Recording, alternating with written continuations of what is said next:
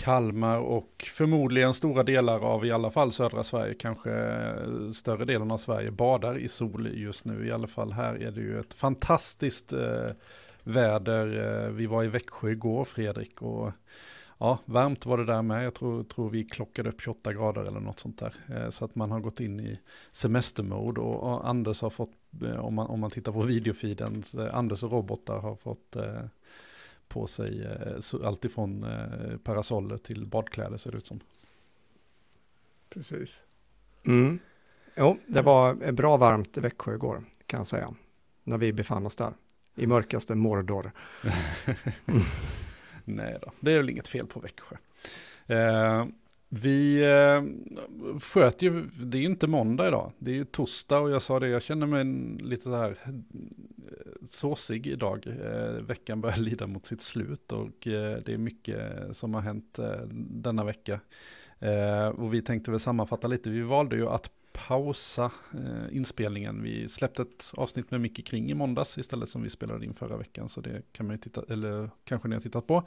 Men det hände ju någonting i, eller det var annonserat att hända något då i måndags kväll. Och det var ju att det var Apple-event eh, på gång på andra sidan pölen. Och vi sa väl att vi avvaktade där för eh, det är ju lite spännande att se. Och man kanske tänker sig att Apple borde släppa någonting som i alla fall röra om lite i AI-grytan. Eh, det blev det inte mycket med, men det, det hände ju massa annat. Um, nämndes ordet AI överhuvudtaget i det här Apple-eventet i måndags? Nej, jag tror inte det. Transformeringsmodell Nej. tror jag nämndes. Precis, och maskininlärning kanske. Ja. ja. Um, tittade ni på det där eventet? Ja, det är klart jag ja. gjorde. Ja, vi satt faktiskt bänkade hemma också. Eh, jag fick springa till grillen eh, då och då så att jag missade några, eh, kanske några små bitar ibland. Men, men i det stora hela så såg jag också på allt. Mm. Är, är, är det ens värt att nämna någonting annat än att gå rakt på sak och prata om kanske One More Thing? För det var väl det som var det intressanta eller? Ja, det var ju ja, kul var... att de hade One More Thing. Det har ju inte, det har inte riktigt varit One More Thing på ett tag här nu. Så att, jag vet inte vad senast kul. var, var det Apple Watch kanske?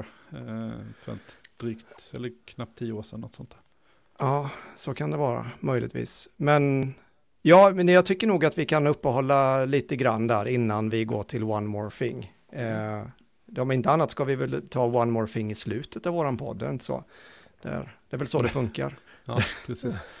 Ja, men jag vet inte vad det så mycket, det var ju lite, det är som vanligt, eh, Anders du sa det här innan, eh, 20% eh, lite bättre, tunnare, 20, lite, 20 tunnare, lite sådär. Ja. Lite med batteritid, lite fler pixlar. Ja, men alltså jag tänker den spaningen du gjorde för ett tag sedan Johan, eh, därmed att eh, Apple går mot privacy och Apple mm. då liksom mm. går ett annat spår. Det också, jag tycker att i det ljuset så kan man se en ganska tydlig skillnad på eh, av det som Apple nu då introducerade och det som då ja, Google och eh, Microsoft framförallt då har introducerat. Det är att hur många gånger nämnde de inte genom presentationen att your data stays on the device, mm. eh, your data is locally processed eh, och, och hur, mycket, hur mycket de trycker under på att de har hårdvaran. Hårdvaran är Apple Silicon och det ligger i enheten och transformermodellen körs på enheten och det stays there. Och det, det var väldigt mycket sådana grejer. Och mm. om du tittar på den här, vad var det, någon journaling-app de hade som man kan tycka att ja, det kanske inte var världens häftigaste innovation kan man tycka, men de, de, de, de la ändå en väldigt stor poäng på liksom att du gick in i den här appen, den eh, föreslog ju till dig, om jag förstod detta rätt nu då, vad du, vad du har varit med om. Så den kommer ju börja skriva någonting möjligtvis, eller ge ett förslag på eh, hur du ska skriva din dagbok, eh, länka det här till relevant information och bilder och sånt som, som du har varit med om och så då. Och detta då var krypterat på devicen och ingenting lämnade och så. Och detta är väl en rätt stor skillnad mot eh, vad alla andra gör då. Eh, Sant. Och, och också det att de inte använder AI eh, någon endaste gång. Jag undrar om inte det också är lite så här marketing-tänk. Att jag, alltså vad, vad kan du göra nu som ett företag för att stå ut i den här konkurrensen. Alltså alla företag skriker AI. Det är ju rätt så här, det är, det är rätt coolt att gå ut där och så bara inte nämna AI en enda gång när alla sitter och förväntar sig det. Det är ju nästan så att det blir en snackis då. Mm. Eh, och är det några som kan göra det då är väl Apple. För de är så självsäkra på det de gör eh, och de har bra hårdvara. De, alltså, de använder maskininlärning och transformer, de två orden användes ju då. Det är ju exakt samma sak som Google och Microsoft också använder. Det är ju, det är bara att de använder ett annat ord. Mm. Eh, så jag undrar om inte det här är nog en rätt smart marketing, liksom, för att annars så om de använder ordet AI och då skulle man ju lätt kunna tänka sig att det här är samma som Microsoft och Google gör då. Men mm. nu, nu flyttar de liksom fokuset då och då handlar det liksom om att kanske AI kanske inte är synonymt med privacy till exempel. Så, så att det är mm. Ur, ur, det, ur den här synvinkeln då. Mm. Så ja, det kan ju vara det smartaste de gjorde.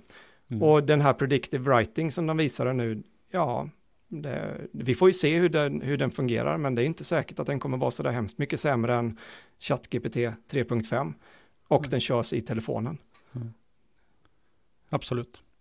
Mm. Och de, de har ju bäddat för detta länge, så att det är ju inga nyheter egentligen. Att, eh, Ehm, som, som, vi har pratat om tidigare med, med att de har byggt in eh, de här bitarna i hårdvara redan från början. Eh, så vi, ja. Det blir eh, spännande att följa eh, den utvecklingen. Nu då, one more thing, Fredrik. Ja, Vision Pro. Ja, ja. då har vi sagt det. ja, jag vill ha en sån. Jag vill ha en sån. Jag tänker att eh, jag tror att Anders, du, hade det gått att dra kreditkortet här nu så det kanske är risk att man hade gjort det. Men nu får man väl vänta till nästa år och det kommer väl vara som vanligt att den säljs i USA innan andra länder kan mm. man ju tänka sig.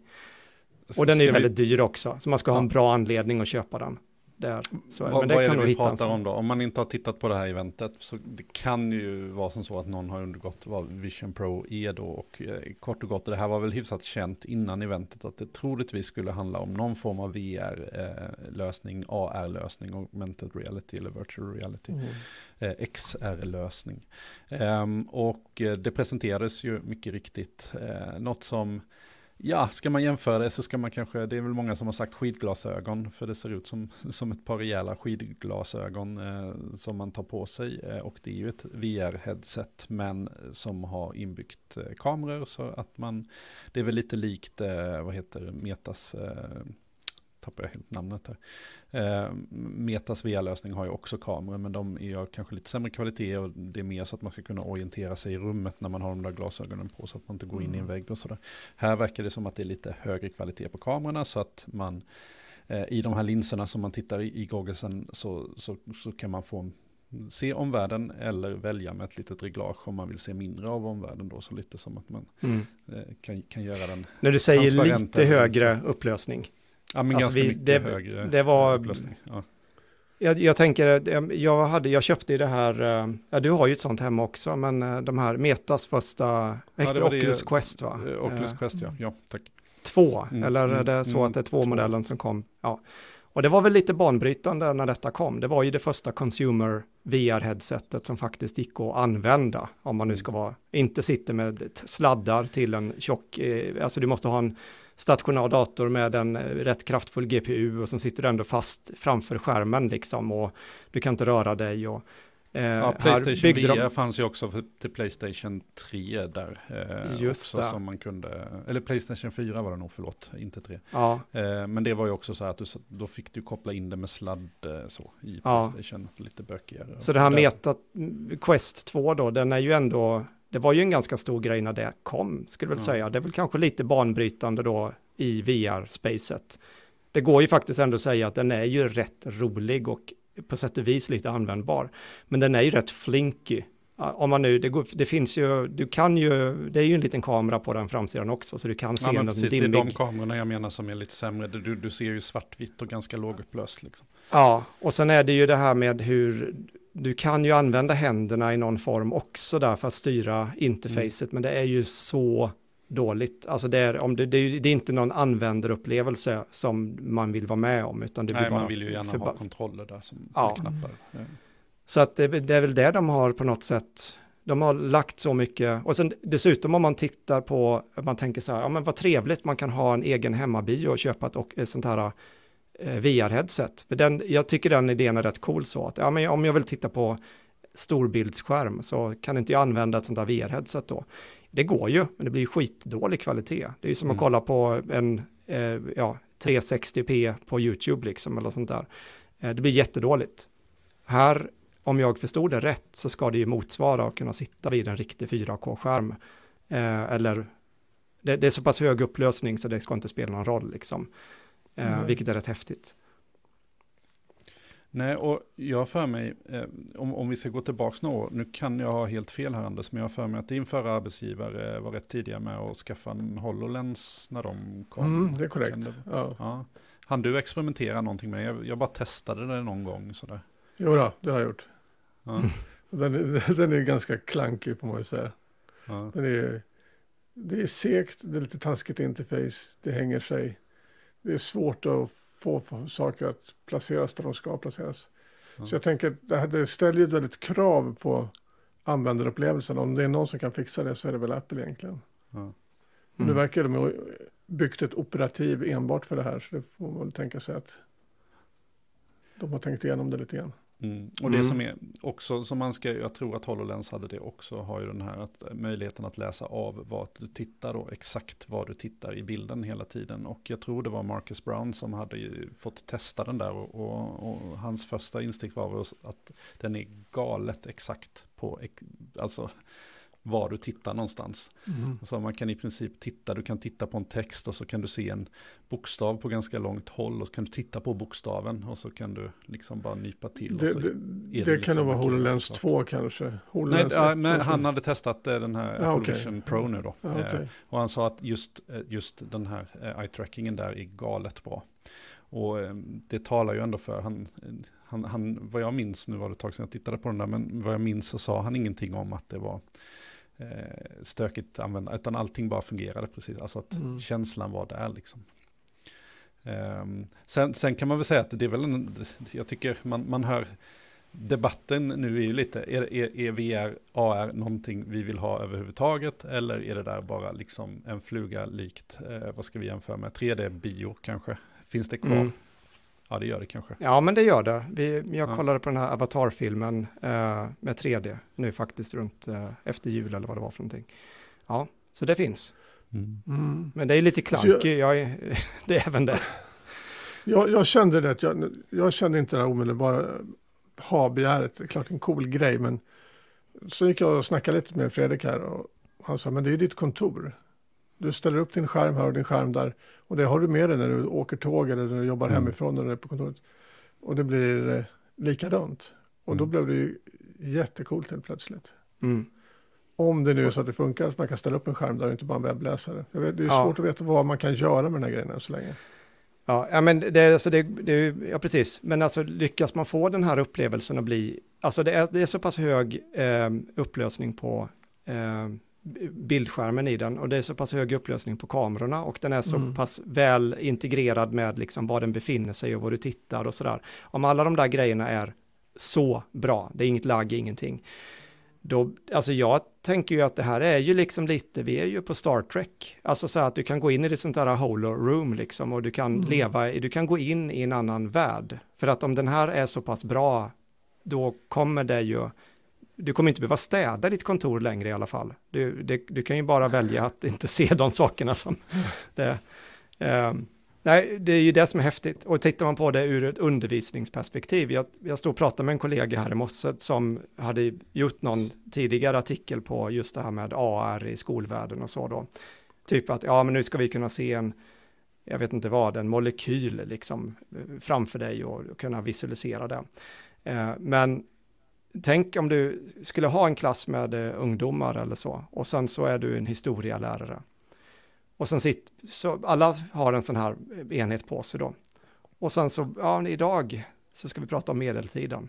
Och sen swoosh, så befinner vi oss där. hela tiden. Vi är där. Och vi sitter fortfarande i klassrummet. Du har liksom inte tappat, det, du, är, du är fortfarande där i rummet. Du ser allting, men du har, eh, Eh, du, du kanske sitter liksom på en, eh, ja, en taverna någonstans eller i, det, vad, vad vet jag liksom. Eh, tänk vilka coola rollspel, om man nu är rollspelsfantast, om man sitter och spelar rollspel med sina polare och du kan sitta med sånt här. Du sitter där, du har den mänskliga interaktionen där, i rummet, du liksom, men du har en augmented, du sitter i en dungeon liksom, i Dungeons and Dragons, du har, alltså det är, det är så många saker som jag tror är så fantastiskt spännande i, i eh, om, man, om man lyckas liksom integrera detta. Det, det är riktigt coolt tycker jag. Kontoret är kanske den mest så här, fantasilösa grejen om man nu tänker efter, men den är ju också väldigt häftig. Jag har ju en stor skärm här, den är ju 49 tum, sån här widescreen. Jag tycker ibland den är Mm. för stor. Mm. Eh, men det är ändå, det är ju min arbetsplats. Och om Ja. jag kan ta med mig den här arbetsplatsen till vad jag vill, det, det är ju faktiskt en rätt bra grej. Det gör ju att jag som person kan vara ännu friare och, och komma åt allting. Mm, verkligen, digitala nomaden är här på riktigt. Ja, och vi är ju lite där, ja, men hur mycket, jag kan bara prata för mig själv, men hur mycket kommunikation, om man tar alla mina e-post, jag tror jag skriver hälften av mina e-post på iPhonen, även om jag har en dator. För väldigt mycket av mitt, om man säger så, kommunikation och e-postande, det, jag skriver ganska snabbt på det här lilla tangentbordet och, och så. Så att när man flyttar med de här verktygen till andra, att jag tror att det kan bli, det kan hända någonting annat eh, än vad man kanske tänker först då. Det kan inte, Mm. ja jag tycker det är spännande i alla fall. Mm. Ja, men Mm. jag, jag är nog inne på samma spår. Ehm, så här, jag, jag, jag började väl med VR, det var just Playstation eh, 4 då och det här Playstation VR, eh, mm, om man testade det, jag minns inte hur många år sedan det är nu. Men det jag upplevde då som lite, alltså så här, jag skulle inte vilja sitta hemma en kväll och spela spel i ett Playstation VR, mer för att man blir så isolerad. Eh, man låser in sig helt i spelet och man har ingen aning om vad som pågår runt omkring sig. Och jag kan tycka det är, det är lite läskigt. Jag vet, man var uppe på DreamHack så fick man testa, testa och tog man på sig det här. Och sen så var man helt plötsligt inne i den där världen och så bara samtidigt så står det 50 pers runt en i en ring och tittar Mm. på. Liksom. Alltså, så här, kon, alltså just det här diskreptansen mellan verkligheten Det, och det tyckte jag var väldigt snyggt med Apples, det var väldigt snyggt med Apples hybridläget, zooma in och zooma ut också. Exakt. Någon närmar sig som bryter igenom. Mm. Och att man kan, kan välja det där och man kan liksom vara, vara Mm. både närvarande och inte. Och, och, och de, de har ju också då tänkt på inte bara ur den som använder headsetets eh, fall här utan också utifrån då eftersom den har en skärm på, på utsidan så att man kan se hur, eh, hur användarens eh, ögon då, eller avatar, man Avatar, väl säga. Ja, för det blir en 3D-genererad avatar som då presenteras på den här skärmen. Och, ja, det kan man väl se hur det där kommer att se ut. Och, Väldigt framöver. intressant lösning. Ja, det, det, det är ett spännande koncept. Eh, för man kan ju tänka sig att, att, att man går fram till någon på tåget och då ser man att nej, den där sitter upptagen i, i ett spel. Mm. Eller, ja, nu är den närvarande sådär utan att ta sig det där headsetet.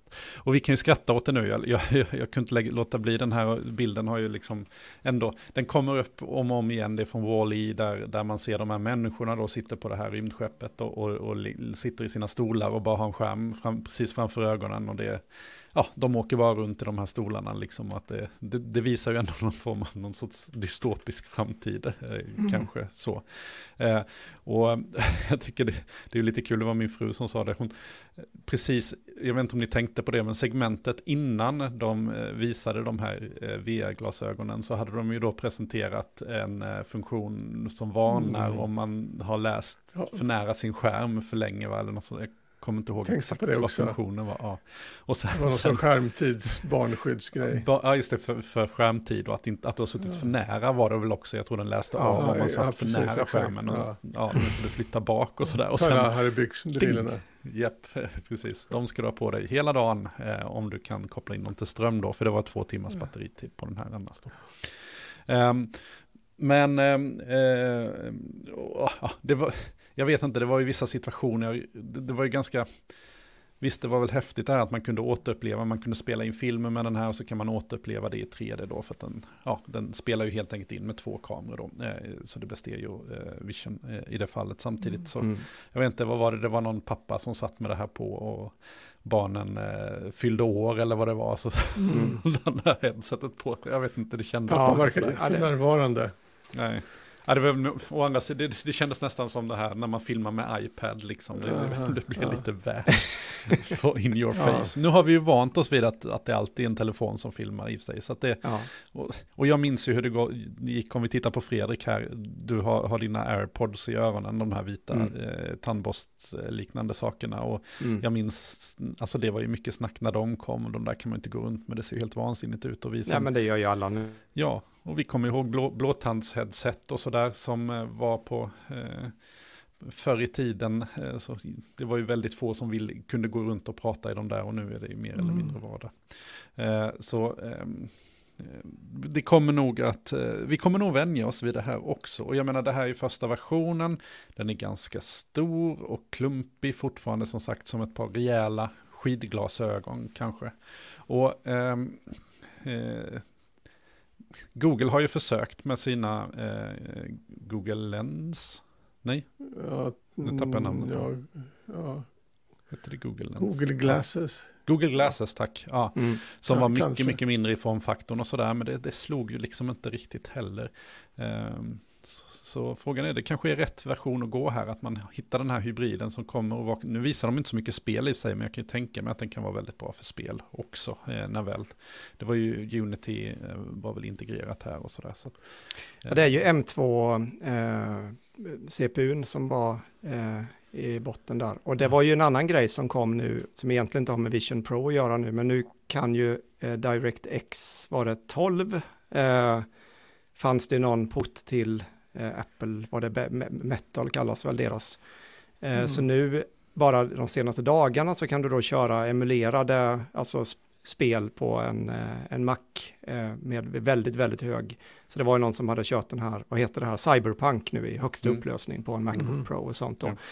Eh, som inte tidigare har varit möjligt då, men nu, nu är det möjligt. Så att det händer ju rätt mycket grejer, de rör sig kanske närmare mot, det är ju en rätt, den är ju rätt kul, för jag menar när, vi, när jag kommer ihåg när jag köpte den här Mac, eh, den Ma- Macbooken jag har nu, när Apple Silicon kom då, vi, och det, vi pratar om, vad är det, två år sedan ungefär, två, möjligtvis två och ett halvt, tre, Mm. någonstans där. Eh, och hur stort det här skiftet faktiskt har varit, den tycker jag är ganska spännande och nu är vi redan inne i det. Det, Mm. det är så naturligt nu. För nu är det ju Apple Silicon first liksom. Men innan alla Apple-datorer hade ju innan Intel-processorer. För Mm. long, long time ago så var det väl eh, någon, vad hette den? PowerPC. Power, PowerPC, men det var en annan typ av processor i dem då ja. Mm. Och sen har ju då, eh, det stora var ju när de väl införde Intel-processorer, då Mm. blev ju de lite heta igen. Eh, Mac OS X kom och, och ena med det andra, då hade de- ju en lång period av väldigt bra datorer och så då. Men det blir lite mer mainstream och, och så. Men nu har de ju gått till, sitt silikon, eget silikon då, eh, sin egen processor.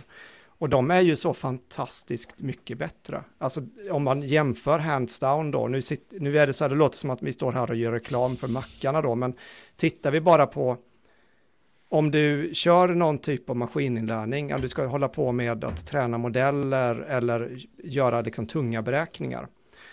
Så en Macbook Pro som har den här M1 eller M2-processorn, den är i klass med en GPU. Alltså en stor sån här fläktmonster som sitter i en stationär dator. Mm. Inte i klass med de bästa, absolut inte. Men det är med en, jag tror det är med en 1070 eller en 2070 någonstans där. Om det nu är optimerat för eh, silikon förstås då. Eh, men det är ändå rätt häftigt ut och du, du hör inte fläktarna. Mm. De är tysta. Det går nästan inte att pressa en sån här dator och du kan höra ett litet, litet sus någonstans bara. Och det är coolt. Och det handlar ju också rätt mycket om användarupplevelse. Mm. Mm. Fläktar vill man inte höra. Jag, jag- nämnde ju Ready Player One förra, Mm. förra veckan tror jag. Jag kommer inte ihåg vad världen där hette. Men Oasis är det ju som, som den här världen i Ready Player One eh, kallas. Eh, om ni inte har läst eh, Ready Player One kan jag ju definitivt rekommendera det. Men här är det ju en helt virtuell värld som, eh, som eh, man, man går in i och människorna i, i stort sett eh, i många fall lever i den, den här världen då som ett stort spel egentligen. Du kan göra mm. det mesta i Oasis.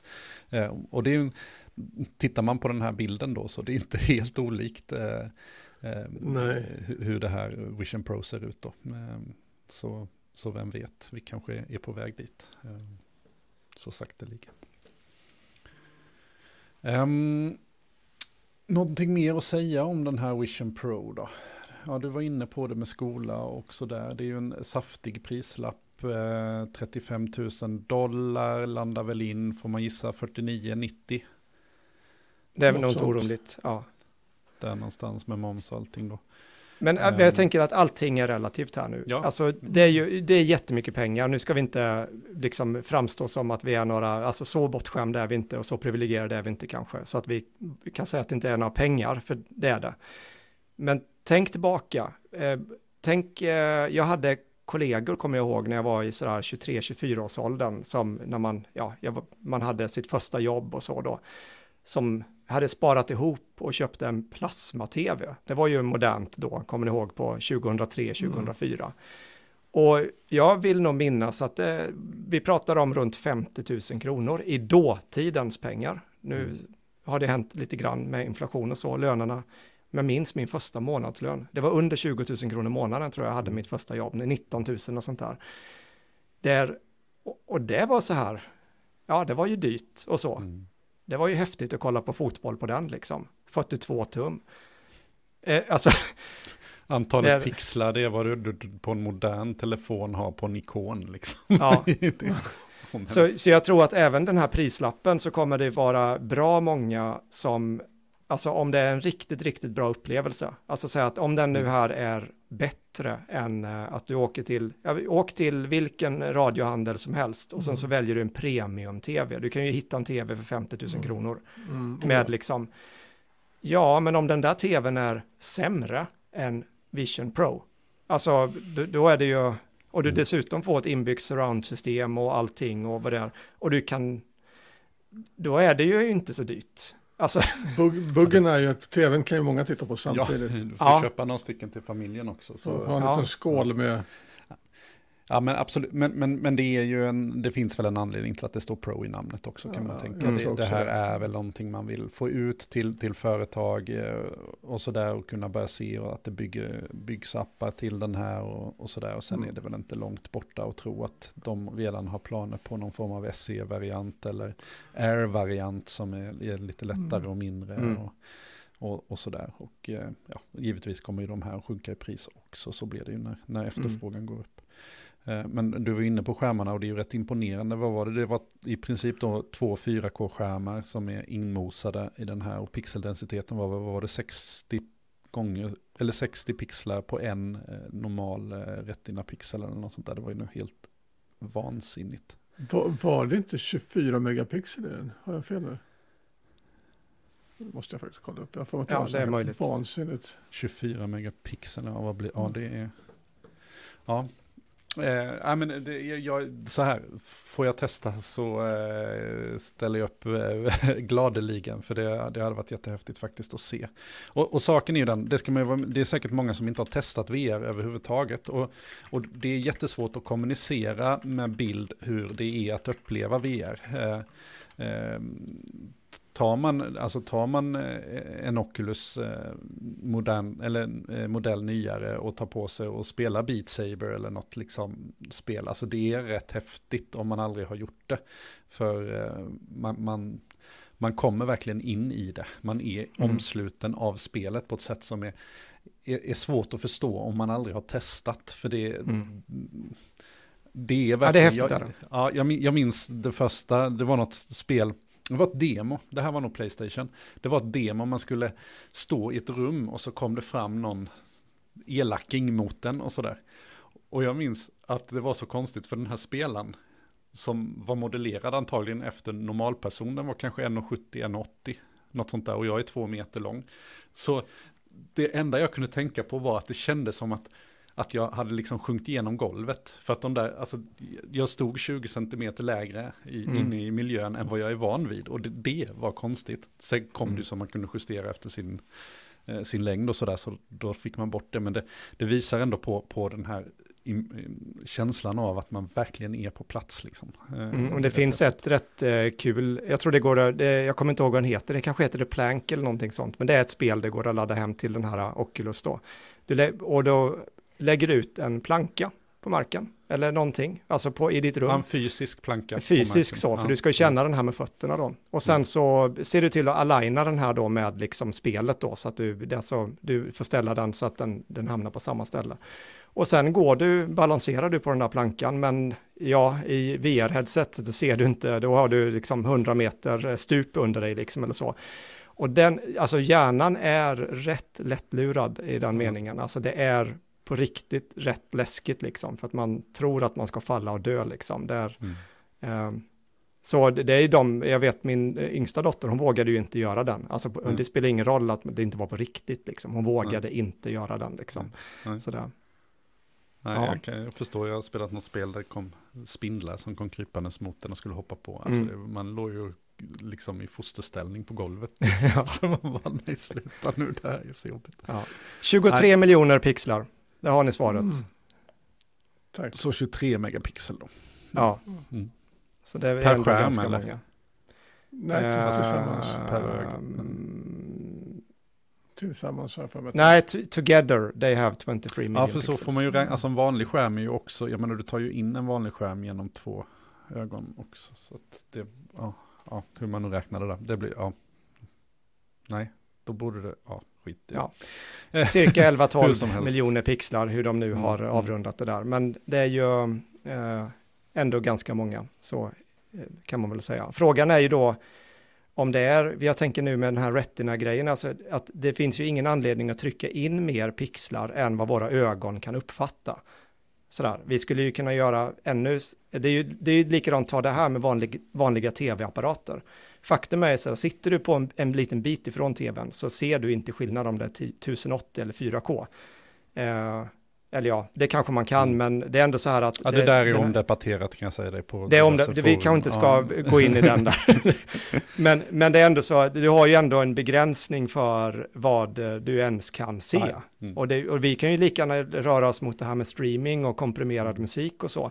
Kommer ni ihåg på den tiden, när, alltså när Spotify och MP3 och liksom allt det där och nej, det ska vara, det ska vara CD-skiva för att du vet, då är den okomprimerad och ja, Sådär. Um, jag, jag kommer ihåg, jag tror jag, det finns möjligtvis är den nedstängd, men jag gjorde faktiskt ett eh, blogginlägg någon gång där jag liksom ändå gjorde sådana här ABX-tester. Det var många, många år sedan.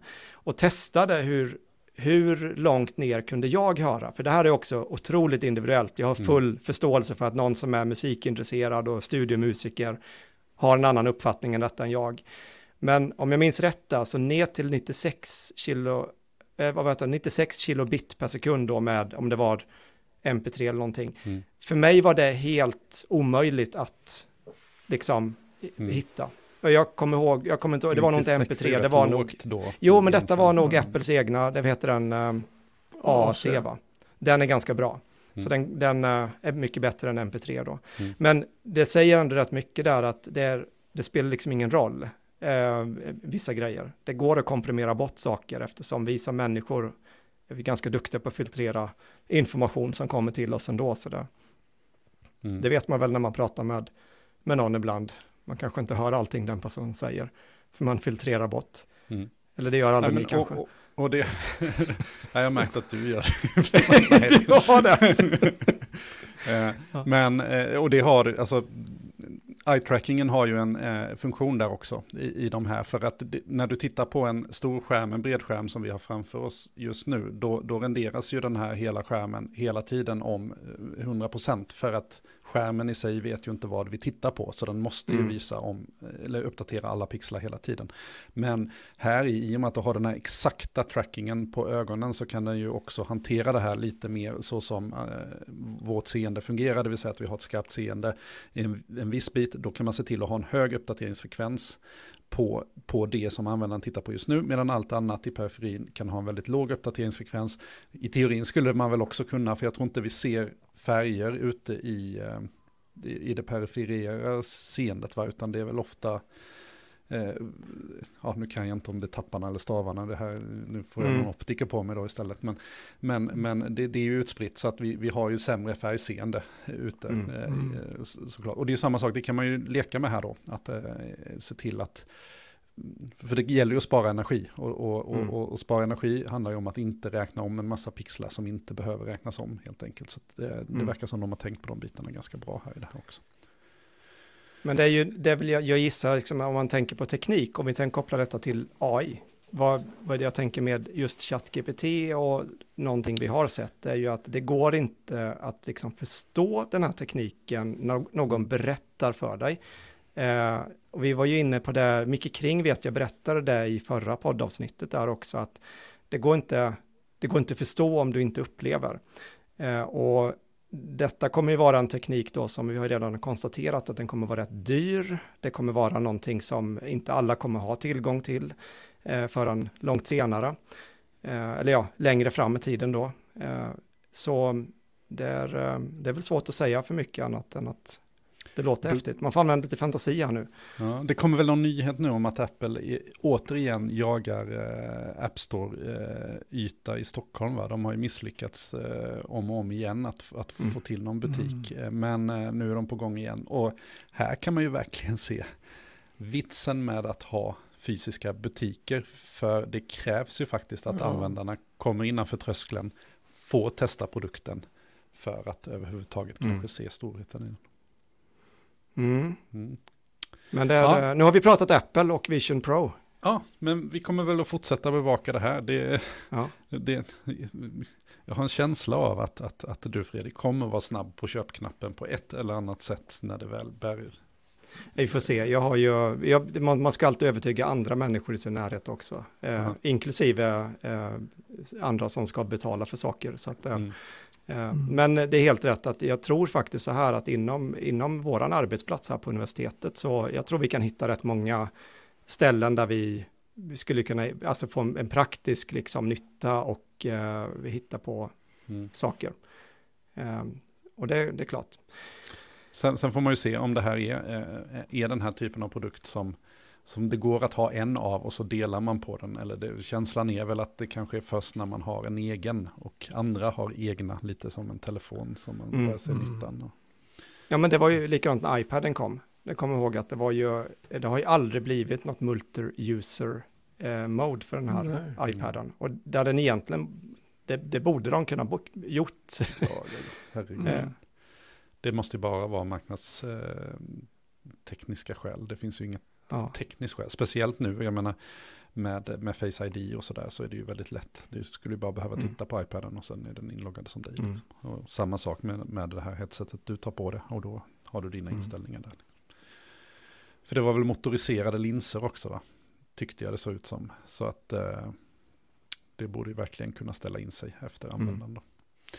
Ja, nu har vi nog pratat nog med Apple för idag. Ehm, ja, men det, en, en, en sista grej då, det var ju den här, eh, vi har ju tittat på lite Nvidia-demon och vi har tittat på, på Unreal-demon och sådär, där man har skannat in avatarer och sen har det genererats en avatar och sådär. Och det, återigen, här visar ju Apple egentligen, de, utan att nämna AI eller säga någonting, så var det ju egentligen det som eh, driver det här också då, att man får sin digitala avatar. Och ja, det, det kan ju vara en liten spännande i den här kontexten med, för att eh, de vis demade väl också Facetime eller olika typer egentligen av e-mötestjänster med hjälp av det här headsetet. Och eh, det här har ju varit inne på lite tidigare att med AI så skulle ju inte egentligen vår faktiska bild behöva skickas utan bara en representation av vad, hur vi ser ut och vad vi tittar på och sådär. Och det är ju egentligen det steget Apple tar här. För när du sitter och har de här glasögonen på dig, ja då kan du inte ha någon kamera på dig för då ser man inte.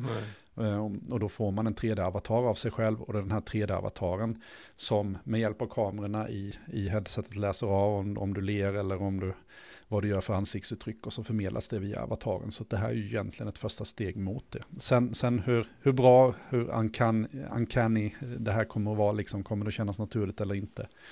Det får vi väl se, men, men på sikt så har det väl potentialen att kunna bli bra i alla fall. Mm. Ja, eh, jag blev tipsad, jag tänkte det kan vara kul att visa. Eh, det var ju eh, tips i vår Discord-kanal och vi har ju tittat lite på AutoGPT tidigare. Och det har ju traditionellt varit ganska så här svåra interface, om man nu ska säga så. Du startar upp en, en textinterface och man ska, ja man kommer ingenstans utan att lägga lite tid på det och det tar lite tid och så. AutoGPT nu... var den här agenten du körde va, i, i konsolen som, som där du gav den ett uppdrag och sen så försökte den lösa uppdraget genom att surfa ja. och starta nya agenter och sådär. Mm. Så, och det, det, var nu, jag har verkligen inte hunnit testa så mycket, eh, väldigt, väldigt kort då, men det kom ett nytt verktyg då, bara för att visa lite på utvecklingen inom detta området då, men som heter Super AGI. Det är väldigt många roliga namn på de här projekten då. Eh, så, men eh, då, då är det ju egentligen, eh, Eh, den är väldigt enkel skulle jag vilja säga att eh, sätta upp själv på sin egen dator. Eh, och i, i, korta ordalag då så, ja om jag ska, om någon vill göra detta så är det bara att följa instruktionerna i, i den här GitHub repositoryt.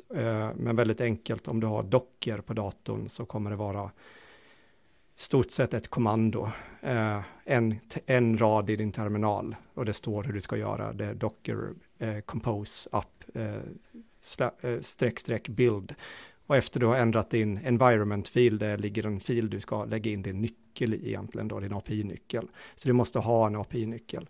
Men när du har gjort det, då öppnas ett webb, eh, då kan du komma in i ett webbinterface. Så då har du ditt grafiska interface till, eh, till den här typen av app då. Eh, och det här är ju verkligen så här uh, alfa, det är väl inte ens beta. Vi kan väl se att det här är ju ändå rätt coolt så, för att nu kan du klicka eh, liksom på ett ställe och göra en ny agent. Du kan namnge den här agenten. Eh, eh, ja, research agent här nu då. Eh, och sen så kan vi ge den lite mål. Eh, och ja. Ska vi se, jag får förstora mitt fönster. Här, jag kan förstora upp den här lite kanske. Så här mm. Ja, precis. Ja, just det. Namnet då, Research Agent, Description, Latest Dev in AI och Goals är att ja, create notes uh, for podcast. Uh, know all about AI. Eh, Latest. Någonting sånt där. Nu kanske inte det är några bra mål, jag, jag tänker så. Sen kan vi välja mm. något vi kan ta GPT-4. Eh, men nu har jag inte konfigurerat upp den här till fullo, för jag eh, gjorde detta ganska snabbt innan podcastavsnittet här nu. Så att, eh, men eh, det man kan göra här nu är att man kan då lägga till olika verktyg på ett betydligt mer enklare sätt. I alla de här grejerna har egentligen funnits innan i de andra verktygen, men nu har vi ett grafiskt interface. Och då kan jag välja, men jag vill ha en Google search, den ska kunna söka på internet, den ska kunna läsa, den ska kunna skriva filer. Jag kan ju också välja här, ja men jag ska kunna kanske ta bort filer mm. också. Då kan jag välja det, append file, eh, list file och så vidare. Eh, jag kan välja till här då, det här är ju då Get Jira kan man säga som plugins då, Get Jira mm. Projects, Edit Jira Issue, Create Jira Issue, Search Jira Issue. Och Jira då är ju ett projektverktyg då, så att då kan man ju direkt se att ja, men nu går det ju alltså att skapa agenter då som kanske mm. jobbar mot eh, sina projektverktyg då. Human då, man vill ha human input. Sen har du då send email with attachment, send email, read email. Det är ganska trevliga grejer då, för att det mm. finns ett Google-plugin här då, eh, i den här, ett Gmail. Det kommer i alla fall på roadmappen såg jag. Och just nu är det väl bara en POP 3 eller något sånt där. Men nu kan du skapa en agent som faktiskt läser en e-post, svarar på e-posten och har ett mål. eh, DALI, Image Generation, Coding Tool, Thinking Tool och vad de här är för någonting vet jag inte riktigt. Eh, och sen har jag lite advanced options och så vidare och jag kan lägga in eh, max iterations, time between steps och, och så vidare. Permission type, det var tydligen bara God mode jag kunde använda där, mm. det känns ju alltid lika säkert. Eh, i, I detta fallet nu då så eh, slänger man upp sin agent och den här har jag ju ett verktyg nu, nu kan jag slänga upp det här på en, på en egen server, på en egen hemsida. In med min nyckel bara och sen skulle jag kunna sätta lite små agenter som rullar med ett väldigt, väldigt enkelt sätt och bara låta dem köra. Och jag kan ganska enkelt gå in här nu och pausa den här och eh, jag kan se inputs, outputs då, som den börjar skriva textfiler och sånt då, så kommer den vara enkelt att få, få in informationen, men jag skulle vilja droppa in ett dokument i detta fallet och jag ber den att kanske strukturera om eh, whatever och sånt då. Eh, så, nu har den googlat lite här och den får upp lite. Ja, mm. den tänker här och den googlar lite. Nu ser man ju här att det står two hours ago här nu, så att uppenbarligen så är den ju antagligen inställd då på fel tidszon i och med att jag kör det här i en Docker-container då. Mm. Men eh, då mm, kan man ju i alla fall tipsa om det. Jag tänker att om man är lite intresserad av de här typerna av verktygen och sånt så, eh, så är det nu då kanske enklare än det har varit någon gång innan att faktiskt testa de här. Eh, och det ni behöver är då en API-nyckel. Eh, och hur man kommer åt en sådan, det är ju när ni går in då på platform.openai.com eh, och skapa ett konto där. Så alltså inte chatt-GPT-kontot, utan ni behöver alltså logga in på OpenAI, deras mm. plattform mm. där. Och, och precis, och det betalar man ju per, så att man kanske ska varna då för att kör man med GPT-4 och skulle sätta igång en agent som jag gjorde nu så kan det ju bli ganska dyrt. Ehm, men det, det, får man hålla koll på. Kör man med GPT-3 så blir det inte så farligt. Och nu börjar den jobba här då. Så eh, vi kan väl pausa den här nu. Eh, och eh, det var väl den biten. Jag tänkte jag kan visa ett annat verktyg också som jag tyckte var kul att berätta om. Eh, och det är också en sån grej som bara kom precis häromdagen. Jag har egentligen inte jobbat så mycket med den, men den verkar väldigt lovande. Eh, det är också ett open source-verktyg som heter OpenChat. Eh, återigen, eh, skulle vilja säga att det är förhållandevis lätt. Eh, så lyssnar man på detta och tänker att det här skulle jag vilja testa, så mm, återigen då, ta lite hjälp av ChatGPT och så då, mm. men i stora drag är det att du behöver ha Docker installerat på din dator och det är ett program då som du kan köra containeriserade applikationer, men du får en hel miljö liksom med ett kommando. Eh, och man laddar hem den här GitHub-repositoriet. Och man behöver inte använda git-clone och sånt, utan det går faktiskt ladda hem det här från GitHub i en zip-fil, packa upp den här zip-filen på din dator och liksom gå in i terminalen. Så det, var inte rädda för att testa detta, det jag menar då. Men vad är det här då? Jo, det här är en chatt, ett sätt att bygga den här chattbotten som eh, man kan se på många hemsidor. Eh, och om man tycker här nu så kan man sätta upp en chattbot. Nu kör man det här på sin egen dator. Återigen, man behöver ha den här API-nyckeln. Den är central, för den lägger man in själv. Och den lägger man in i en konfigurationsfil då till den här när man lägger, sätter upp projektet i en sån här environment-fil. Och bara för att vara tydlig där Fredrik då, så kan man säga att eh, i och med att så fort det är en API-nyckel involverad, då är det ju som så att trots att du installerar själva verktyget lokalt, så modellen och så är ju fortfarande GPT-4, GPT 3.5 som körs på Azures server. Så det, det, är inte som så att du, du liksom kör det här lokalt på din dator, utan var uppmärksamma på att datan fortfarande då skickas till Microsoft eller ja. OpenAI i det här fallet. Och i detta fallet behöver man också en, en, nyckel till Pinecone som är en databastjänst då för sådana här. Men det är återigen gratis så man kopierar bara den där nyckeln då. Det är ganska bra beskrivet. Men det, det häftiga här är att nu har det egentligen varit, det har aldrig varit enklare nu att för någon som i sin organisation vill bygga ett, kanske en liten bot som kan svara på frågor, som en, en sån här liten hej och välkommen, en sån här ploppar upp i hörnet då. Då kan man trycka på den här webbsite och sen så klipper man in sin URL till den här webbsidan. Det det här programmet kommer göra nu då, det är att den kommer hämta all information som den hittar på den här hemsidan.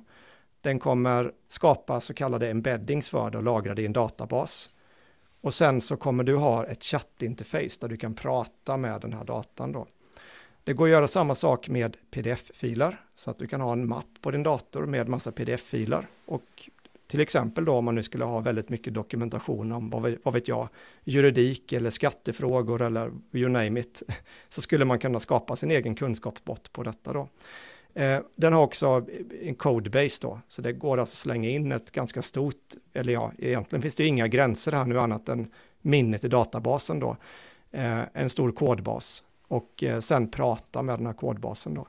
Eh, det kommer ju, det, återigen, det här är väl alfa, beta, mycket utveckling, det sker snabbt, eh, men eh, det som jag kan man tycka är lite värt att nämna, för jag vet att det tar en liten tid att göra det här, så jag kommer inte visa det live, men om jag bara tittar på en, en chatbot här, nu ser jag den står still crawling här nu, vi lyckades, mm. jag lyckades aldrig crawla Aftonbladet eller vad för någonting jag försökte med innan. Men det, det som är lite coolt här är att det går att om du är en webbutvecklare här sen så kan du egentligen bara embedda den här med en, en två, tre, fyra, fem, sex, sju rader kod som du copy-pastar in i ditt projekt. Eh, och för att få den här lilla botten då. Eh, så det kan väl vara ett litet tips då till, till de som lyssnar och vill börja leka och testa med de här verktygen. För det återigen, det, har ju inte, det är ju tillgängligt att göra och eh, just att använda den här, att just, det är väl alltid det som jag tycker man läser. Jag, tycker, jag blir förvånad nästan varje dag man går in i de här Facebook-grupperna och sånt då. What's the fuss? Vad, vad, är det för grej med den här ChatGPT? Det var någon som skrev det i någon sån här Facebook-grupp. Jag tror mm. säkert du sett det också, Anders. Så här, för den kan ju ändå inte svara på några frågor om, du vet så här, vad är det för mening med den då? Mm. Uh, men det är ju då, det, det är den här typen av verktyg då, när du faktiskt kan koppla den här intelligensen då till relevant data, då är det ju över det steget också. Då kan den ju det. Och du är ju, jag vill verkligen trycka på det, det har ju aldrig någonsin varit mer tillgängligt att använda väldigt avancerade verktyg. För vi får nog ändå, alltså skulle någon satt upp det här för för bara något år sedan. Så ja, men det kräver ändå ganska mycket, du behöver läsa på och så vidare. Men nu har mm. man ju precis som du säger ChatGPT till hjälp, så ta hjälp av den och helt plötsligt kommer du inse att shit, det där är kanske inte så mycket magi, jag kan göra detta själv och sen har ni satt upp er första sajt och sen tar ni det därifrån och så driftsätter ni den där och så, ja, alltså ni kan få hjälp hela vägen. Se på Micke Kring, han, han sa ju det, han hade ju inte han har väl kodat en hel del i sina dagar ändå, även om han inte kallade sig programmerare eller utvecklare. Men, men han hade ju aldrig släppt en iPhone-app, liksom, eller en iOS-app. Och, ja, det hjälpte ju ChatGPT honom mm. på den resan, liksom. det går. Med eh, det eh, ska vi hålla oss under timmen idag. Jag känner att vi är alla lite så här solstinga här efter eh, att varit ute i solen kanske lite för mycket. Nej, det har vi nog inte egentligen. Men, eh, vi sitter nog inne framför datorerna allihopa misstänker jag. Mm. Eh, mesta delen av tiden i alla fall. Ja, jag sa att Perplexity har i alla fall släppt sin Pro-version. Ja. Det kom, dök upp här nu när jag gick in på den. Det har, jag, vet, jag sa ju det någon gång innan där, att det är väl bara en tidsfråga innan de måste ta betalt för detta nu, och det gör mm. de nu då. Återigen, gratisversionen är ju fortfarande samma, så det är bara att om du köper Pro så har du många fler eh, möjligheter, alltså kan du mm. fråga mycket mer. Eh, för nu har du ett visst antal sådana här GPT-4 responses per dag då. Mm. Bra, vad säger ni? Ska vi ta, det här är ju inte, vi tar inte sommaruppehåll riktigt ännu, vi, vi fortsätter väl eh, någon vecka till i alla fall, mm. Eh, här innan, innan sommaruppehåll och så. Um, Eh, men eh, fram till dess, det börjar verkligen eh, rulla på i discorden, AI-utbildning, så in i länken som finns här under och bidra. Ehm, och det är mycket intressanta diskussioner. Jag hinner inte riktigt med ibland nu, inser jag. Innan så kunde jag läsa allt och, och, kunde till och med hinna läsa igenom det mesta som tipsades om. Men nu börjar det bli svårt på riktigt, för det, det, det kom en hel del. Eh, men det är väldigt, väldigt bra tips och hög kvalitet där, så att, eh, det kan jag verkligen tipsa om. Vi kan ju också tipsa lite grann om den 21 juni, mm. Johan. Jag tror vi har nämnt någonting om det innan också, men vi kommer ju göra lite AI-tema den dagen. Eh, och det är så att vi har en, eh, en ganska stor eh, sommarkurs i tillämpad IUT som går på Linnéuniversitetet. Vi har kört den i några år. Vi har en, gjort en, en rolig grej som nu har blivit en tradition då, så vi tycker fortfarande den är rolig, men det är att vi kör en 12 timmars livestream på YouTube där vi hittar på massvis med grejer. Och eh, under den här dagen i år då så har vi tänkt en grej som vi kommer att göra, det är att vi kommer att ha en föreläsning om AI och ChatGPT på kvällen. Och jag skrev att det är Fredrik och Johan som håller den, så vi får se om det är båda vi eller om det blir, mm. vi får se hur vi kommer överens där. Men vi kommer köra en, en föreläsning, du, Anders kanske vill vara med också. Jag har inte frågat dig. det. Men det blir Nej. den 21 och det blir på kvällen och då blir det ju en liveföreläsning på en pub fast livestreamad då på YouTube. Eh, Mm. vi kommer också ha, och det kan jag outa nu för nu är allting klart då, men vi kommer också ha våran rektor med under dagen då, så Peter Aronsson som är rektor på Linnéuniversitetet kommer joina in och på temat då kommer det vara ett samtal just om AI eh, i... Nu försvann i, eh, Fredrik för mig där, men eh, vad han skulle säga var att det kommer Ja. bli ett samtal eh, kopplat till AI och nu är Fredrik tillbaka. Så Nu är jag det. tillbaka kanske, vad vet jag. Ja. Ja. Men det kommer bli ett samtal med AI då och universitetsvärlden med våran rektor där också. Mm. Sådär. Nej men eh, kul, eh, dyk in eh, och titta gärna på den där eller följ delar av livestreamen. Det är mycket intressant som händer. Det är ju på samma YouTube-kanal som vi sänder det här, men jag kommer också länka den här under för er som, som eh, tittar på podden. Eh, där har vi den. Och ehm, ehm, varför inte dyka upp på, på, på den här. Vi, vi har inte annonserat vilken pub det blir ännu. Eh, det är fortfarande lite eh, att, att vi jobbar på det. Men, men eh, man kan ju givetvis dyka upp där också och, och, och ta en öl och, och titta på AI-föreläsning. Det går ju bra det med. Ehm, men då är det Kalmar på plats i så fall. Men Kalmar är en fin sommarstad så har ni inte Mm. varit här så varför inte ta ett besök. Med det så tänkte jag ut i det vackra vädret i alla fall. Jag vet inte vad ni kommer att göra av er kväll, men eh, så kommer det vara för mig i alla fall. Eh, med det så får vi tacka alla som har lyssnat och eh, ha en fantastiskt underbar vecka och helg så hörs vi framöver. Hej på er. Tack. Hej.